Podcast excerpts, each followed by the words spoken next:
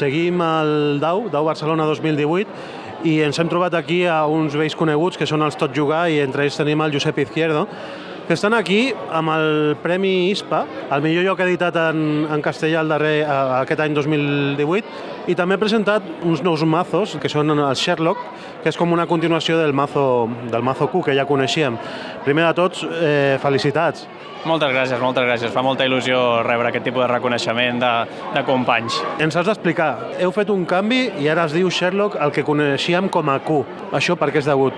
En primer lloc, perquè hi ha la intenció de generar diverses línies i la línia d'adults estava pensada a diferenciar-la amb, aquest, amb aquesta marca nova Sherlock. La de petit, si es fa més endavant, se li donaria un altre nom i així quedaria clar quin és quin.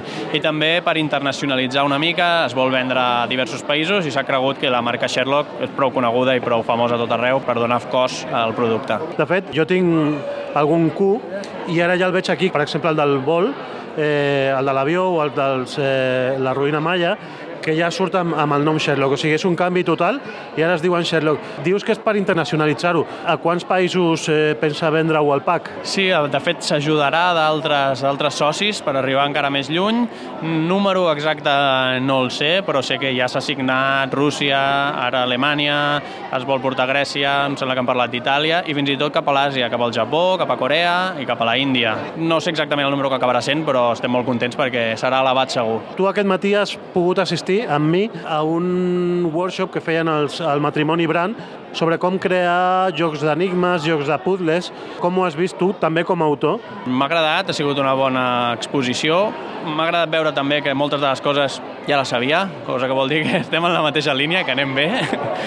I, i després les curiositats, que les preguntes que s'han anat fent, també les he trobat molt interessants. Hi ha hagut perfils molt diferents amb preguntes molt diferents i ha sigut molt entretingut. No he pogut quedar-me a la segona part, que era també xula de fer nosaltres eh, enigmes, perquè estic aquí al dau fixa i no em podia escapar gaire més estona, però segur que ho han fet molt bé també. Jo quan deien, vinga, busqueu per fer un grup de quatre, per fer un enigma i tal, jo, jo t'estava buscant a tu i tu ja no hi eres. Sí, m'he hagut d'escapar ràpid, mutis por el foro, sí. perquè ja tenia el Martí sol aquí i no em podia deixar gaire més estona. I a ells els he preguntat al matrimoni que com veien ells els altres jocs d'enigmes que ja i li he dit, per exemple, l'Unlock, li he dit, per exemple, el Deck Escape, que ho treu Mercurio com escapa, però que és la vessant italiana dels jocs d'escapament amb mazo. Se m'ha oblidat dir-li al Sherlock, però també ho tenia present. I ara faig a tu també la, la mateixa pregunta. Com veus tu els altres jocs? Ells han estat molt sincers i molt, molt humils i han dit és que està guai perquè és la manera que nosaltres podem jugar un joc d'aquests, no?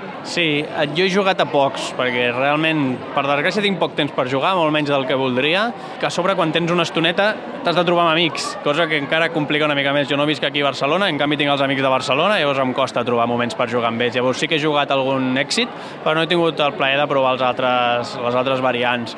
L'èxit em va semblar molt interessant, alguns sistemes de resoldre, com resol si ho has fet bé o no, per exemple, alguns enigmes que estaven molt ben trobats. Va en la línia dels room escapes, en què són trencaclosques o jocs de lògica. Per tant, en aquest sentit s'allunya una mica del que fem nosaltres, de manera que estic una mica tranquil perquè no, no, no els veig tan a sobre com ell pot poder veure els altres unlocks o similars, que sí que són una temàtica, entenc, molt més, molt més directament associada. Vosaltres ho hauríem d'haver explicat al principi per qui encara no conegui la saga de jocs Q, ara Sherlock, us dediqueu més a la crònica negra, no?, per dir-ho d'alguna manera?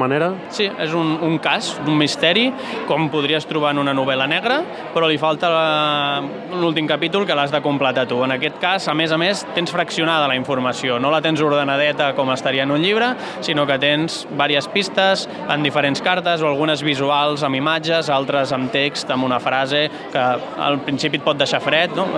I la víctima tenia una taca blava als pantalons. Ostres, és important o no, amb l'ajuda de totes les cartes que van tenint tots els jugadors a les mans, s'ha d'anar veient quines són rellevants i quines no, anar-les jugant amb una mecànica de descarte o de baixar la taula, i al final sí que fer una teoria sòlida amb tot el que tenim. I pels que ja hem jugat els tres primers Q, dels tres nous, eh, quin ens recomanaries eh, així com a pare de la criatura? A mi m'agrada molt Propagació. Vaig gaudir molt veient-lo jugar als testings, no n'he fet molts, però em va posar pell de gallina en alguns moments i, i no em passa gaire amb els Q fins i tot. I, no sé, m'agrada, m'agrada. Surten teories molt bones, el desenllaç quan, quan els jugadors fan el clic és molt potent i estic molt content.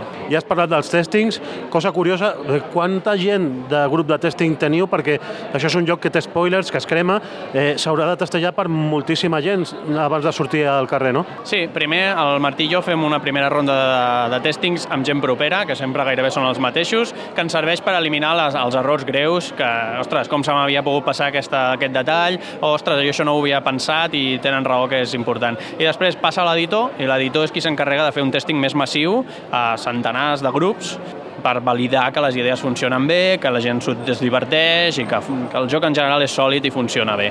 Doncs, eh, bueno, eh, felicitats pel mètode, felicitats també pel premi i us deixo treballar, que teniu aquí cua, la gent està esperant aquests Sherlocks com aigua de maig. Moltíssimes gràcies a vosaltres també per estar aquí.